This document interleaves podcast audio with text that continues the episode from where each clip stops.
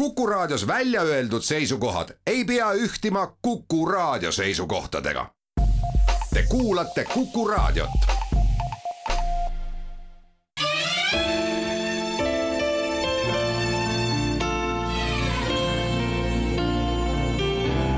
nädala raamat. Lucy Kukk, ootamatu tõde loomadest kirjastuselt Varrak. tere, head Kuku raadio kuulajad selle nädala raamat on Ootamatu tõde loomadest, voorivankri täis vääriti mõistetuid. autor on Liusi Kuuk, eesti keeles on raamatu välja andnud kirjastus Varrak ja raamat on tõlkinud Aldo Randma, toimetaja on Marju Randlane nagu pealkiri ütleb, siis ootamatusi tuleb selles raamatus ette päris palju. tõsi, inimesed, kes zooloogiat tunnevad, pole võib-olla kõigest nii üllatunud, aga näiteks minusugusele zooloogia võhikule oli raamatu lugemine kindlasti lõbus ja ka silmaringi avardav kogemus. Sest näiteks varem pole siinkõneleja mõelnud väga detailselt sellele, kuidas angerjad sigivad etteruttavalt võin öelda, et teadlastele on angerjate sigimine senimaani üks suur mõistatus nii on angerjad justkui ühed salapärased loomad, kelle paljunemine on meile senimaani jäänud saladuseks. kuid see raamat ei keskendunud ainult sigimise teemadele, vaid teemasid oli ka muid.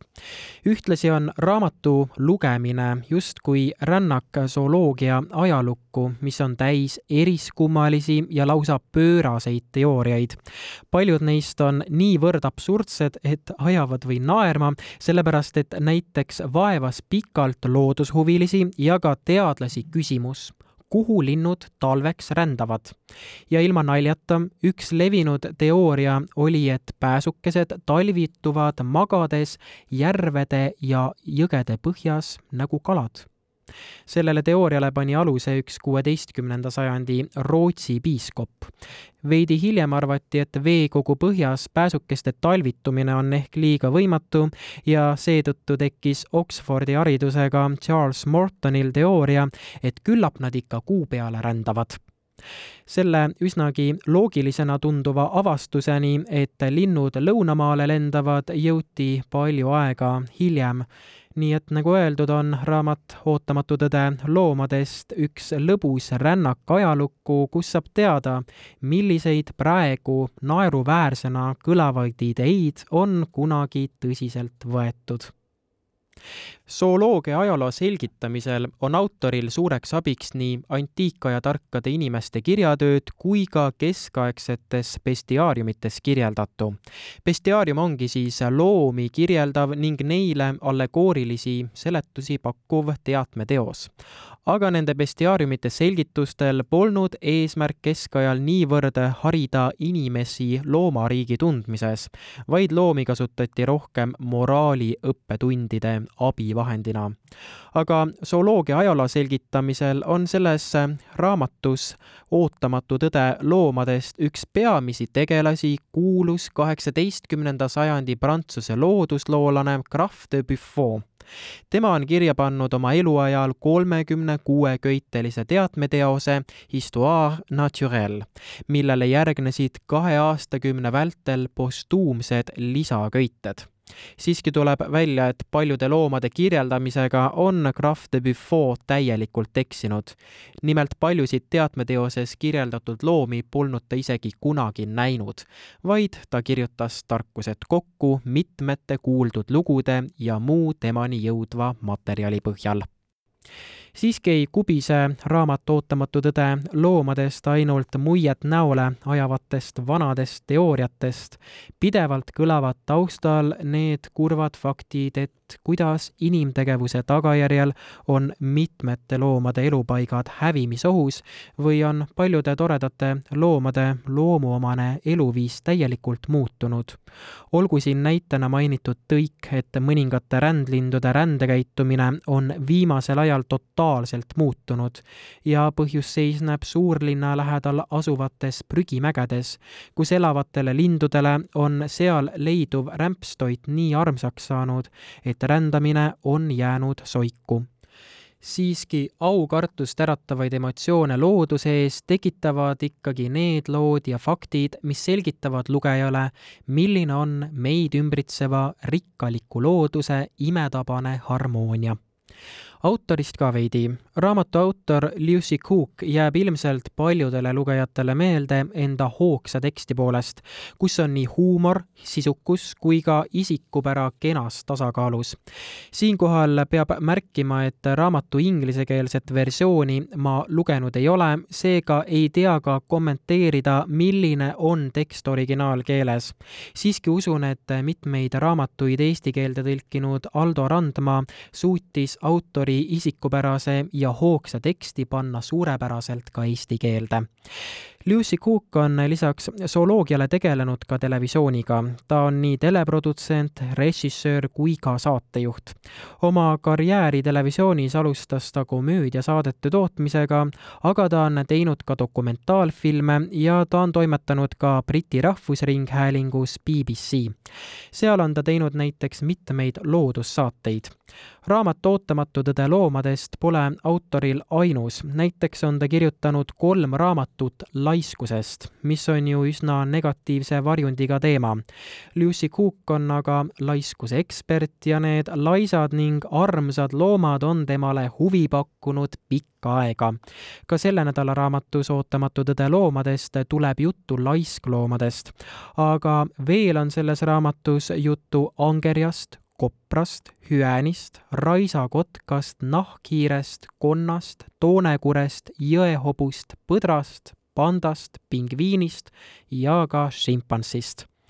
kõikide nende loomade kohta on autor kirja pannud ütlemata haaravaid lugusid autor Lucy Cooki ühest lemmikust ehk laiskloomast ka veidi pikemalt.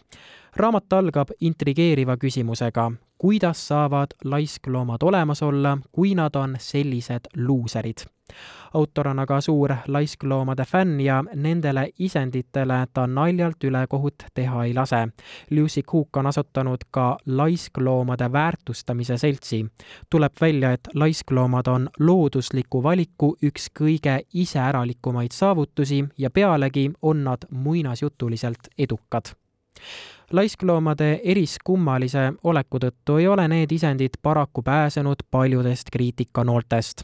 näiteks juba ennist mainitud kaheksateistkümnenda sajandi Prantsuse loodusloolane Graf de Buffon on pidanud laisikut loomariigi kõige madalamaks liikmeks ta on kirjutanud, et kui üksainuski asi oleks veel viltu läinud, poleks neid üldse saanud olemas olla.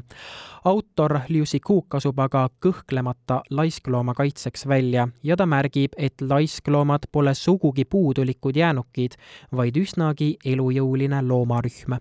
peidus püsimine on nende elu motiveeriv tung. see on laisikud muutnud oma loomulikus elukeskkonnas väga edukaks ja meile, inimestele, üliraskesti mõistetavaks toimekad inimesed on aga geniaalse laisklooma vargsest eduloost mööda tormanud ning seega tasukski ehk peatuda hetkeks.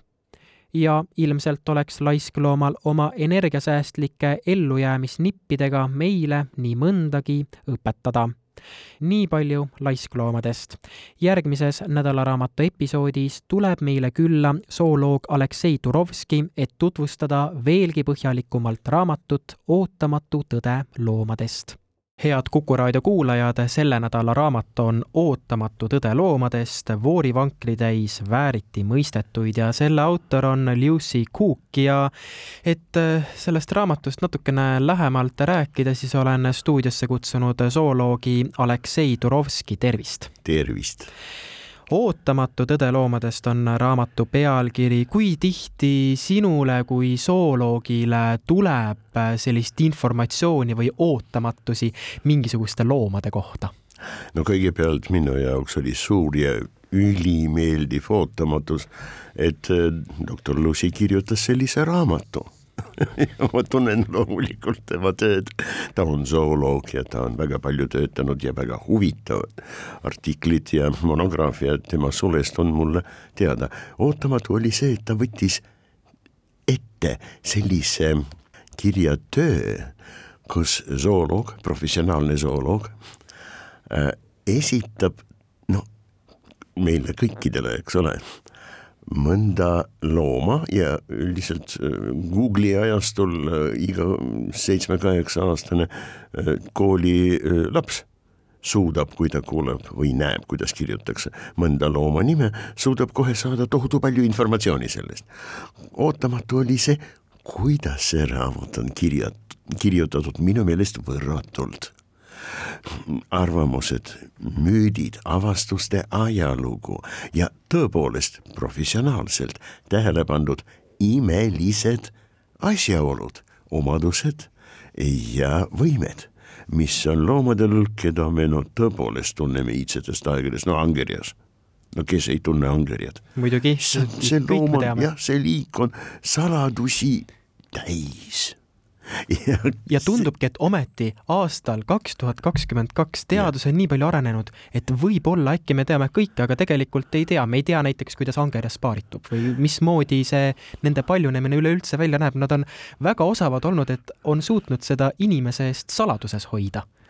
Äh, täpselt nii, äh, vaata selles asi ongi, et mida enam areneb teadus ja teadus, loodusteadus igal juhul tegeleb ainult mõõdetavate asjade ja nähtustega, mida on võimalik täpselt mõõta. järelikult uus mõõtmise metoodika, uued uurimismeetodid alati teevad väga paljud asjad, müstilised asjad nagu angerja paljunemine näiteks, eks ole, teevad neid esiteks selgemaks ja siis paratamatult palju selgemaks saab öö, see asjaolu, et me ei tea veel väga palju ja peamiselt vot selline teaduse areng, jah, metoodika ja loomulikult uurimuste uus haare põhjustab seda, et meil saab palju selgemaks, mida, mida nimelt pagan võtaks, mida me siis ei tea.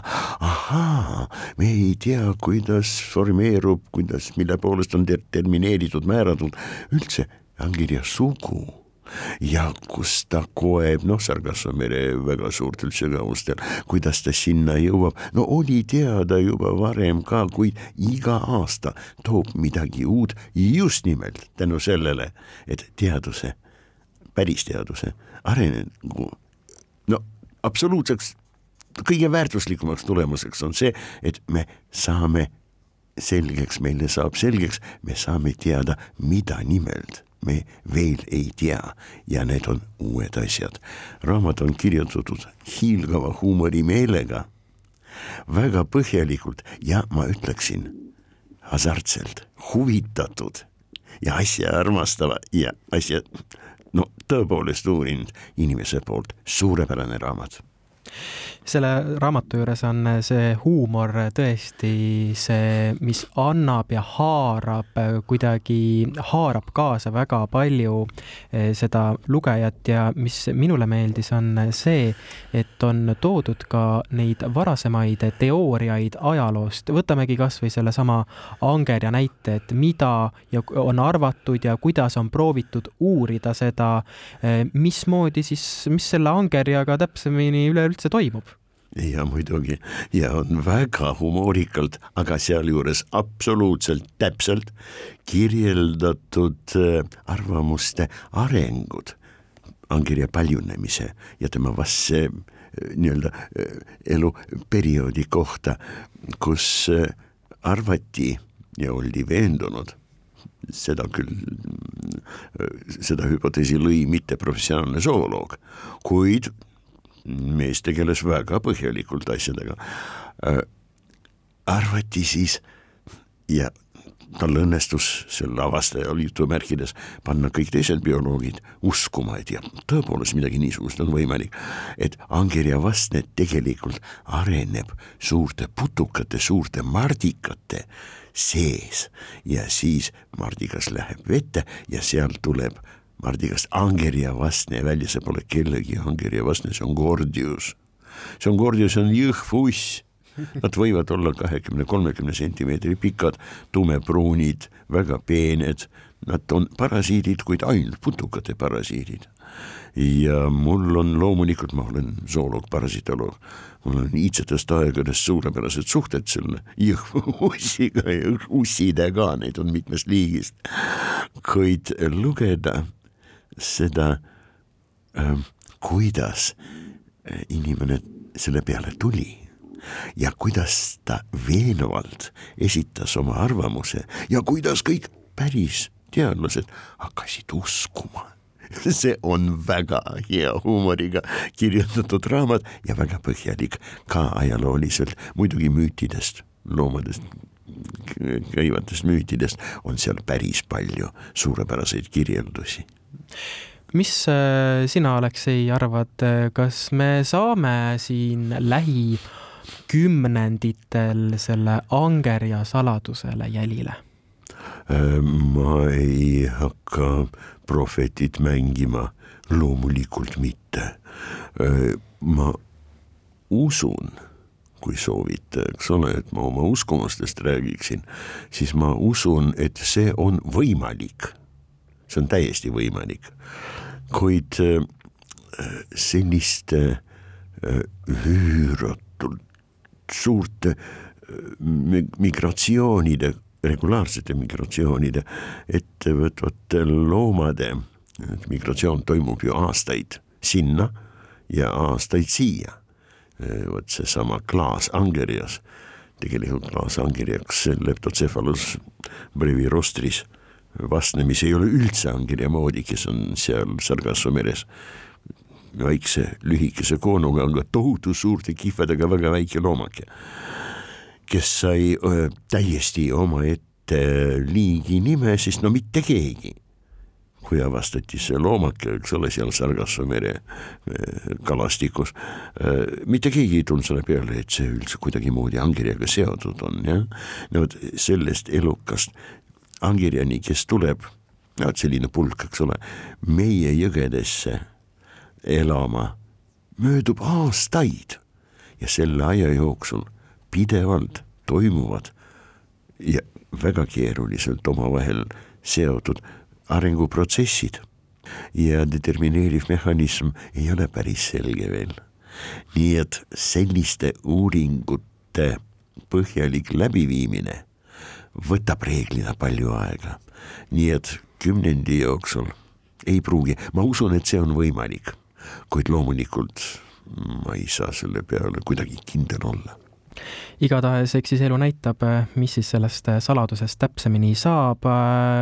nii palju tänaseks, järgmises episoodis räägime, missuguseid ootamatusi võivad loomad korraldada head Kuku kuulajad, selle nädala raamat on Ootamatu tõde loomadest voorivankri täis vääriti mõistetuid, autor on Lucy Cook. ja räägime nüüd sellest, missuguseid ootamatusi võivad mõned loomad korraldada või need on sellised tegevused, mis on ootamatud võib-olla meie inimeste jaoks. üks väga tore loom, põder kes äh, on meil ka siin Eesti metsades ja räägitakse, et äh, vahepeal on põdrad purjus. Aleksei Turovski, kas siis on? põder on äh, kõige suurem hirvlane üldse, raba ja metsa elanik ja põder hämmastaval kombel on hirvlane kes on poolenisti veeloom. veeloom? jaa, semiakvaatiline. ta sukeldub ja suurepäraselt. ta ujub hiilgavalt ja talle väga meeldib veetaimi süüa.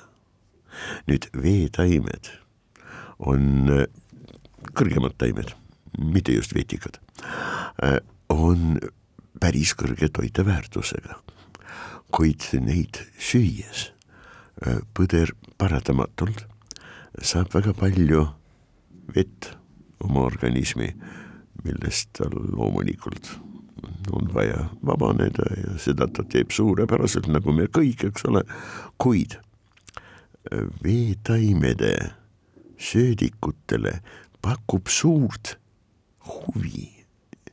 ja kui nad tutvuvad nende ainetega, siis ka varsti tekitab nendel isu äh,. Alkoholide segu. Mitte tingimata, tähendab päris kindlasti paratamatult, et öölalkohol, noh, viina või veini piiritus ja, kuid teised mitmeatomsed alkoholid.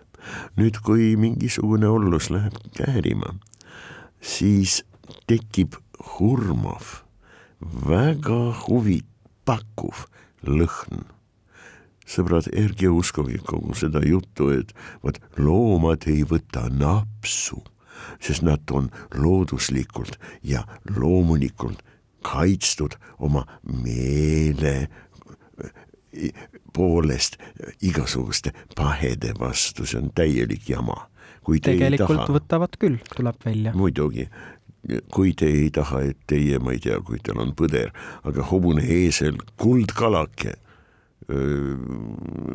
koduküülik või tibu. Hakkaks alkohoolikuks, on olemas selleks ainult üks viis, iial pakkuge. Ja sama muuseas puudutab väga palju teisi narkootilisi ja sultuust äh, tekitavaid aineid. kõikidele vegetariaanlastele on äärmiselt tähtis saada palju suhkruid, erinevaid suhkruid. no näiteks äh, põhjapõdra või, või põdra samblik vaat seesama ülimõrg asi.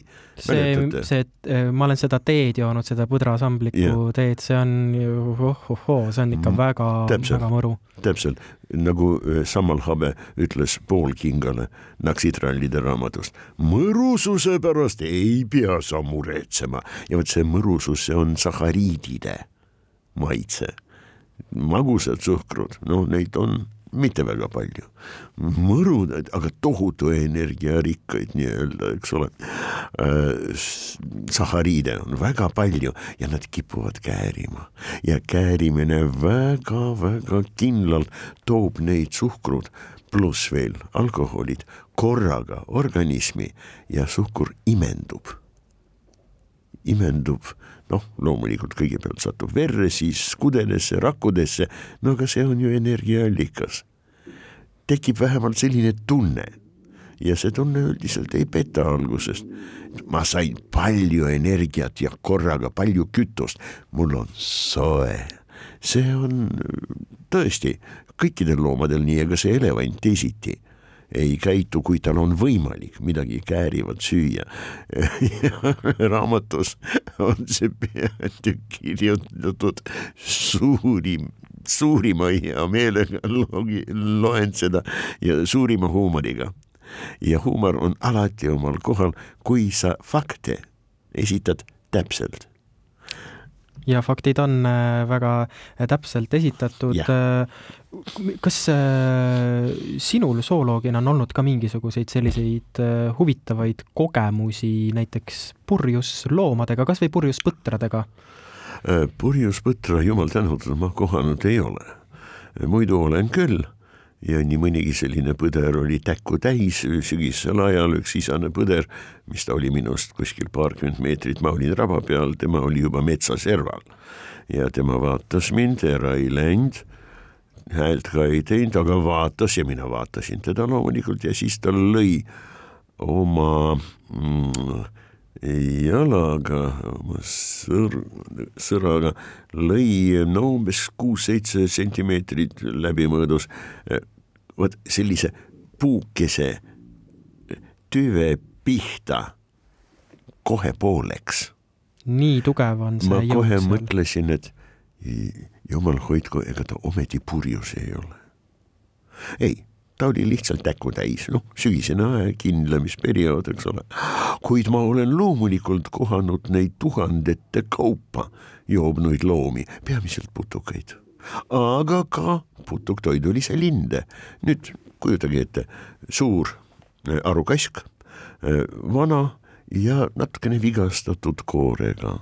Äh, tselluloosibakterid ja teised seenbakterid hakkavad sellises haavas tegutsema ja loomulikult panevad asjad käärima. levib natukene magus, on hea haistmine, siis tunned ise ka, aga päris kindlasti alkoholilõhn ja sinna voori putukaid, kui see on kuskil augusti alguses, juuli lõpul, siis tulevad imekaunid leinaliblikad sinna, tulevad pa päevapaabusilma liblikad. kui on äh, parajasti sel aastal no neid migrante, punakardinaale, liblikaid, siis neid tuleb ka ja teisi ja sipelgaid ja mardikaid ja siis tulevad rästad ja hakkavad neid joobnud putukaid sööma. ja saavad, nemad jäävad omakorda joobunuks siis? ise saavad oma portsu kätte. ma ükskord paar tundi jälgisin, kuidas üks mustrestas, äärmiselt isane nokavärvi järgi otsustades, sõi selliseid kahe suu poolega, no oli baaris, eks ole, vot baar ja, ja, ja, ja pubi ja, ja ta lõpuks jäi nii purju et eh, ei püsinud maa kohal paar, umbes kaks pool, kolm meetrit kõrgel taloni, istus seal, ei püsinud selle oksa peal kui juurt kindlalt ja lõpuks ütles midagi piiksulaadset ja kukkus nõgestesse. siis ma läksin uurima, kas ta ikka elus on, oli küll elus, aga maani täis. Ja ma olen sellist eh, leemurit ka näinud, ei ole võimalik ära minna, kes küll äh, ei napsutanud, aga ta leidis tuhatjala ja tuhatjalad kaitsevad ennast sellise ebameeldivalt lõhnava vedelikuga, mis tõrjub loomade peal. Parasiite küll noh, puuke, eks ole, igasuguseid täisi ja paljusid tei-, teistsuguseid parasiite, kuid kui loom hõõrub ennast vot sellise tuhatjalaga ja saab seda valkja tollust oma karvadele, siis varem või hiljem loom peab ennast puhtaks lakkuma. aga see aine, mida tuhatjalg kasutab enesekaitseks, vaenlaste tõrjumiseks, on halütsinogeenne see oli varileemur, meil loomaaias praegu on hea grupp varileemureid, mustvalgega, pika musta sabaga ja toredate silmadega ja vaat see elukas ka läks kuskil Madagaskari nõgestesse, kukkus ja, ja, ja, ja jäi sinna magama. Igatahes äh on äh, ka loomadel selliseid mitmeid sarnasusi inimestega ja võivad ka nemad olla purjus. aga nii palju siis praegu raamatust Ootamatu tõde loomadest, mis on välja, mille on välja andnud kirjastus Varrak ja selle autor on siis Lucy Cook head Kuku raadio kuulajad, selle nädala raamat on Ootamatu tõde loomadest, voorivankritäis vääriti mõistetuid kirjastuselt Varrak, autor on Lucy Cook ja külas on Aleksei Turovski, et aidata seda raamatut tutvustada ja räägime edasi Raisa kotkast. ja autor tsiteerib siin Krahv de Buffoni, kes ähm, on äh, omal ajal, oli, ütleme niimoodi, et zooloogiast äh, kirjutas ta päris palju raamatuid, Suured köited ja tema on kirjutanud Raisa kotka kohta niimoodi kotkas ründab oma vaenlasi või ohvreid üks-ühe vastu. raisakotkad aga ühinevad sõjasalkadeks nagu argpüksidest palgamõrtsukad ja on pigem röövlid kui sõdalased, pigem laibasööjad kui jahimehed. Aleksei Turovski, kas Krahvil oli õigus? Ehm, nii ja naa, oli ja ei olnud ka õigus Krahv de Buffonil, noh zooloogia filosoofia autor ja üliautoriteetne tegelane tõesti väga pikkadeks äh, aastateks. ta oli äh, huvitav mees, loomulikult võttis ette väga suure töö, aga loomulikult ta väga paljus pani mööda äh,. õigus, tal oli selle osas, et raisakotkad, just nimelt raisakotkad on kõige sotsiaalsemad, ühiskondlikumad päevaste röövlindude, see tähendab kõikide röövlindude seas üldse. ja see on tõepoolest äärmiselt tähtis ja väga õige tähelepanek. Nad tõepoolest teevad koostööd. no kuidas me määrame sotsiaalsust, no näiteks kiskjatel, kes nad ka ei oleks.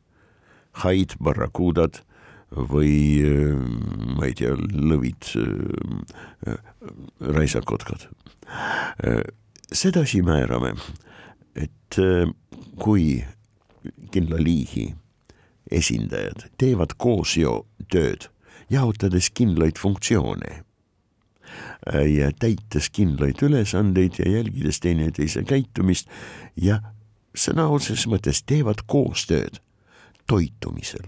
kiskjatel, kes nad ka ei oleks, kõige suuremad väljakutsed elus on seotud toitumisega, eriti suured, nad on kõrgematel kotkastel, kelle käpad on sellise ehitusega, sellise anatoomiaga, nagu on käpad väga lähedase seltsi kanaliste liikide käpad, see tähendab käpadega püüda kedagist raisakotkad, täpselt nii nagu kanalised, lihtsalt ei saa, aga raisakotkad on röövlinnud.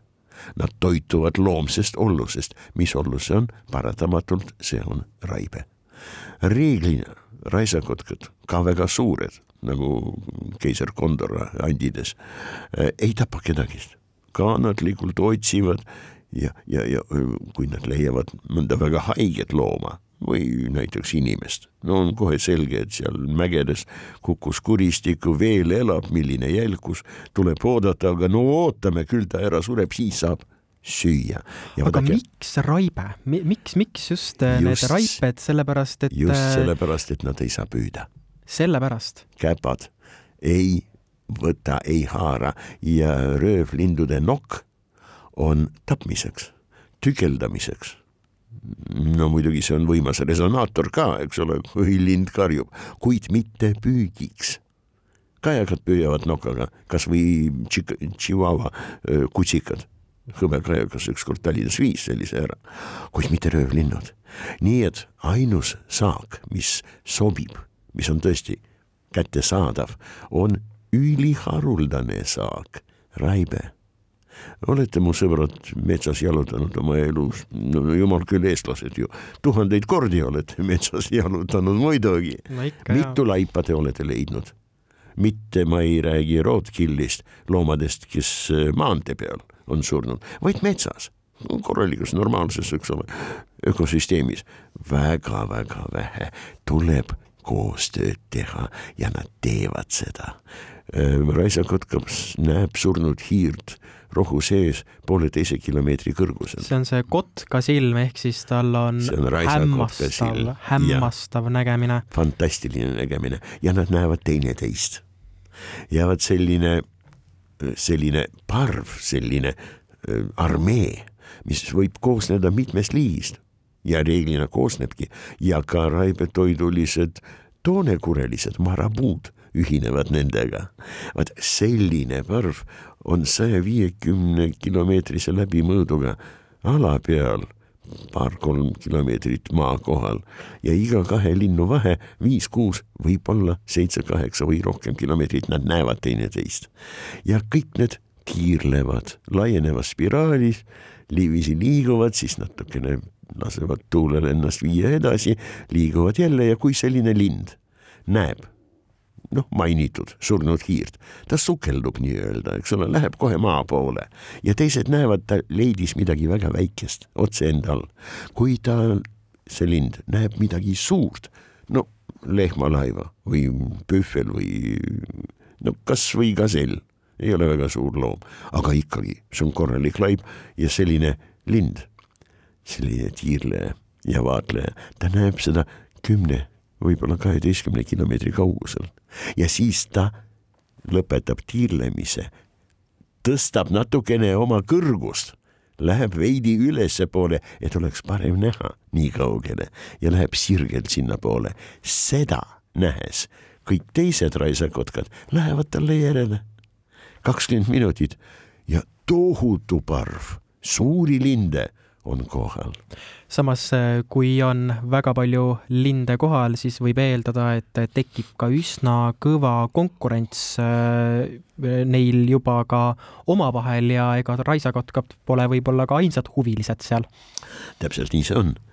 Äh, huvilisi on väga palju, raibe on suurepärane saak kõikidele, kes ei pea muretsema laiba või roiskamismürkide pärast, noh seal on kindlasti peroksüüdid, seal on hästi palju vabu radikaale, mis on väga ohtlikud, lõhuvad mm, rakkuseinu, kuid häänid, metssead, loomulikult ka lõvid, ühendkoerad, noh, kui me Aafrikast räägime, eks ole, selliseid soovijaid on väga palju ja äh, raisakotkastel on väga raske ennast kaitsta, no näiteks üänide vastu.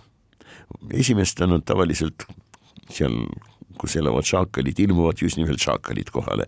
lihtsalt nad jälgivad pidevalt lindude käitumist ja teevad järeldusi. ahah, linnud lähevad kindlasse kohta, ju seal serveeritakse.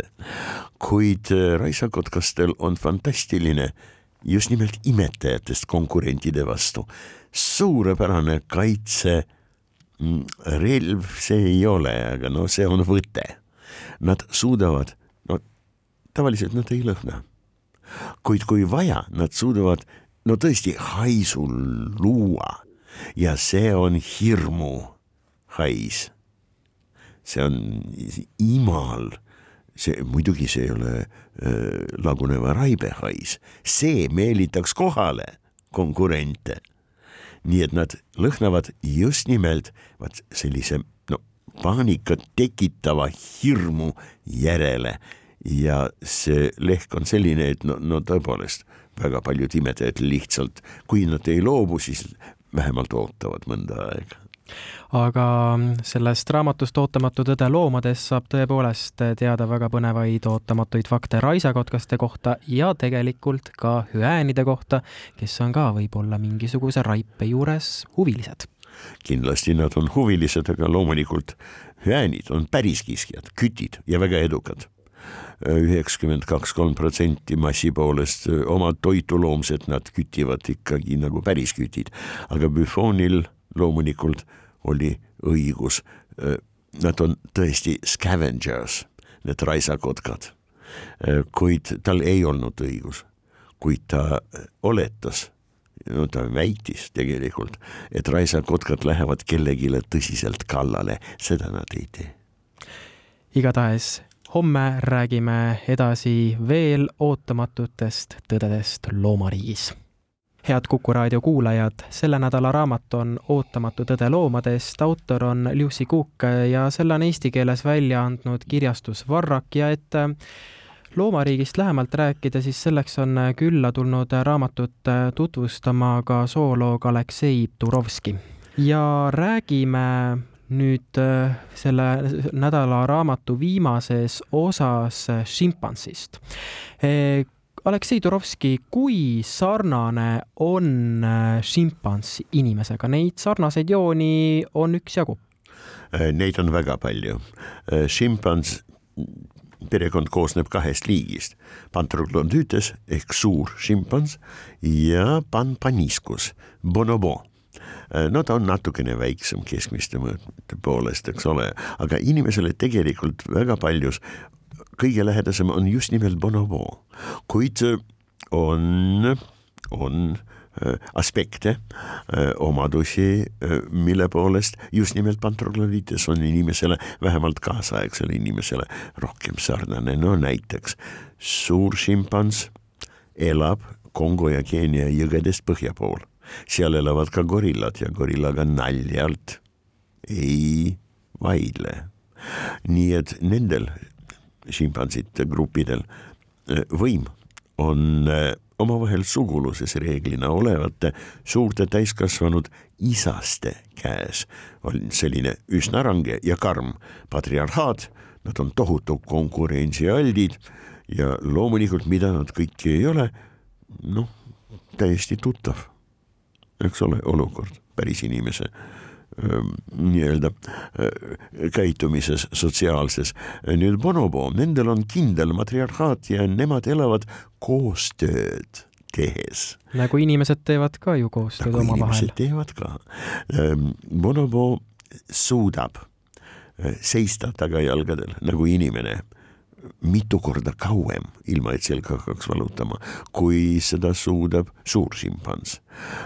ja kui me võtame šimpansi perekond üldse vaatluse alla ja võrdleme inimesega, me näeme väga palju, väga palju sarnasusi. näiteks käeline oskus on ka vist selline ja muidugi, aga päris palun, hästi välja arenenud. loomulikult, aga kohe on erinevus pöial.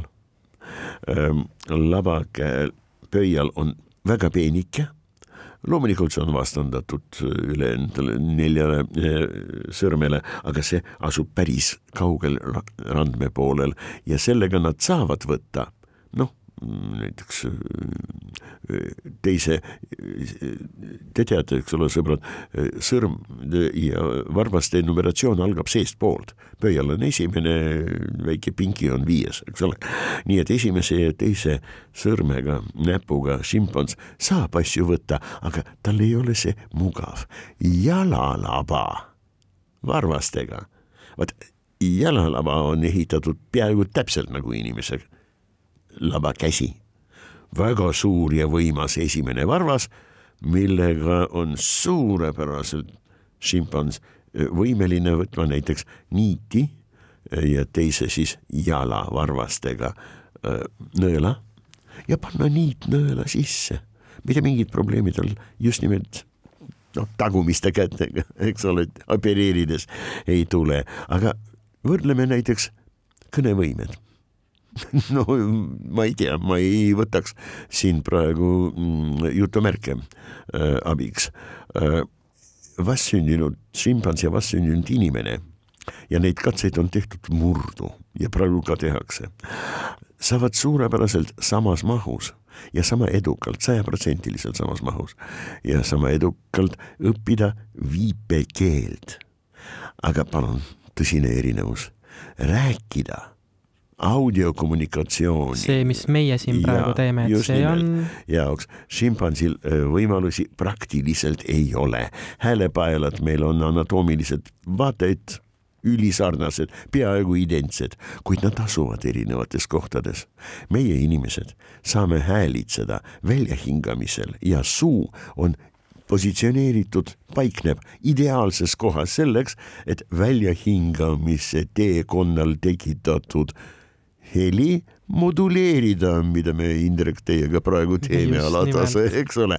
šimpansi häälepaelad on praktiliselt noh, keeleluu natukene allapoole ja tahapoole jäävad, nii et nad saavad üldse tekitada heli ainult sisse hingates ja suust on väga vähe kasu, kuid viipekeel, palun kaheaastane šimpans, kes on õppinud viipekeelt sünnist saati ja sama vana inimene, jah, nad moodustavad laused kahest märgist, võib-olla kolmest märgist, kolmeaastased juba kolmest-neljast, võib-olla viiest märgist ja nelja-aastane lobiseb nii, et äh, lasteaia äh, hoiab peast kinni ja palub rääkida natukene vähem, eks ole, nüüd sarnasus. Ja milline veel, kolm-neli tuhat märki nelja-aastaselt väga võimas tulemus. väga võimas tulemus, kuid nüüd tuleb erinevus. meie lapsed, päris inimese lapsed, kuuendast ja kindlasti seitsmendast eluaastast hakkavad õppima uusi asju. Kvalitatiivselt, eks ole, uusi asju. Aina kiiremini õppimisvõime kasvab eksponentsiaalselt, lausa raketina, šimpansel vastupidi ei kao üleöö, kuid läheb ja suhteliselt kiiresti plato peale ja siis hakkab kahanema. Ehk siis neid erinevusi ja ka päris palju sarnasusi on üksjagu ja ühe sellise huvitava mõttega, millega see raamat äh, Ootamatu tõde loomadest äh, lõpeb, on see, et äh, meie peamiseks komistuskiviks inimestena on vastumatu tung kõike inimesestada ja sealhulgas ka võib-olla mõnikord hukka mõista neid tegevusi, mida võib-olla inimene pigem ei harrasta, aga mida loomad harrastavad. Äh, meil ei ole mitte mingisugust õigust selleks, et kasutades analoogiat, sarnasusi, äh, teha otsustuslikke järeldusi. seda õigust meil ei ole. loom on loom, teine liik on teine liik ja inimene, loom nagu inimene on, eks ole, kõrgem pärisafiline, loomulikult vana maailma kitsaninaline ja oma kuluvuse poolest, eks ole, süstemaatilise kuluvuse poolest. loomulikult me ei tohi, sellel ei ole mitte mingisugust loogilist alust ega õigust. me ei tohi antropomorfistlikult interpreteerides loomade käitumist teha sellest mingisuguseid vaat selliseid moraalseid, eetilisi, otsustuslikke või poliitilisi järeldusi. iga liik on unikaalne, igal liigil on liigiomadused ja õigused ja seda, missugused on erinevate loomade väga põnevad eripärad ja ka sarnasused meiega, seda saab teada raamatust Ootamatu tõde loomadest.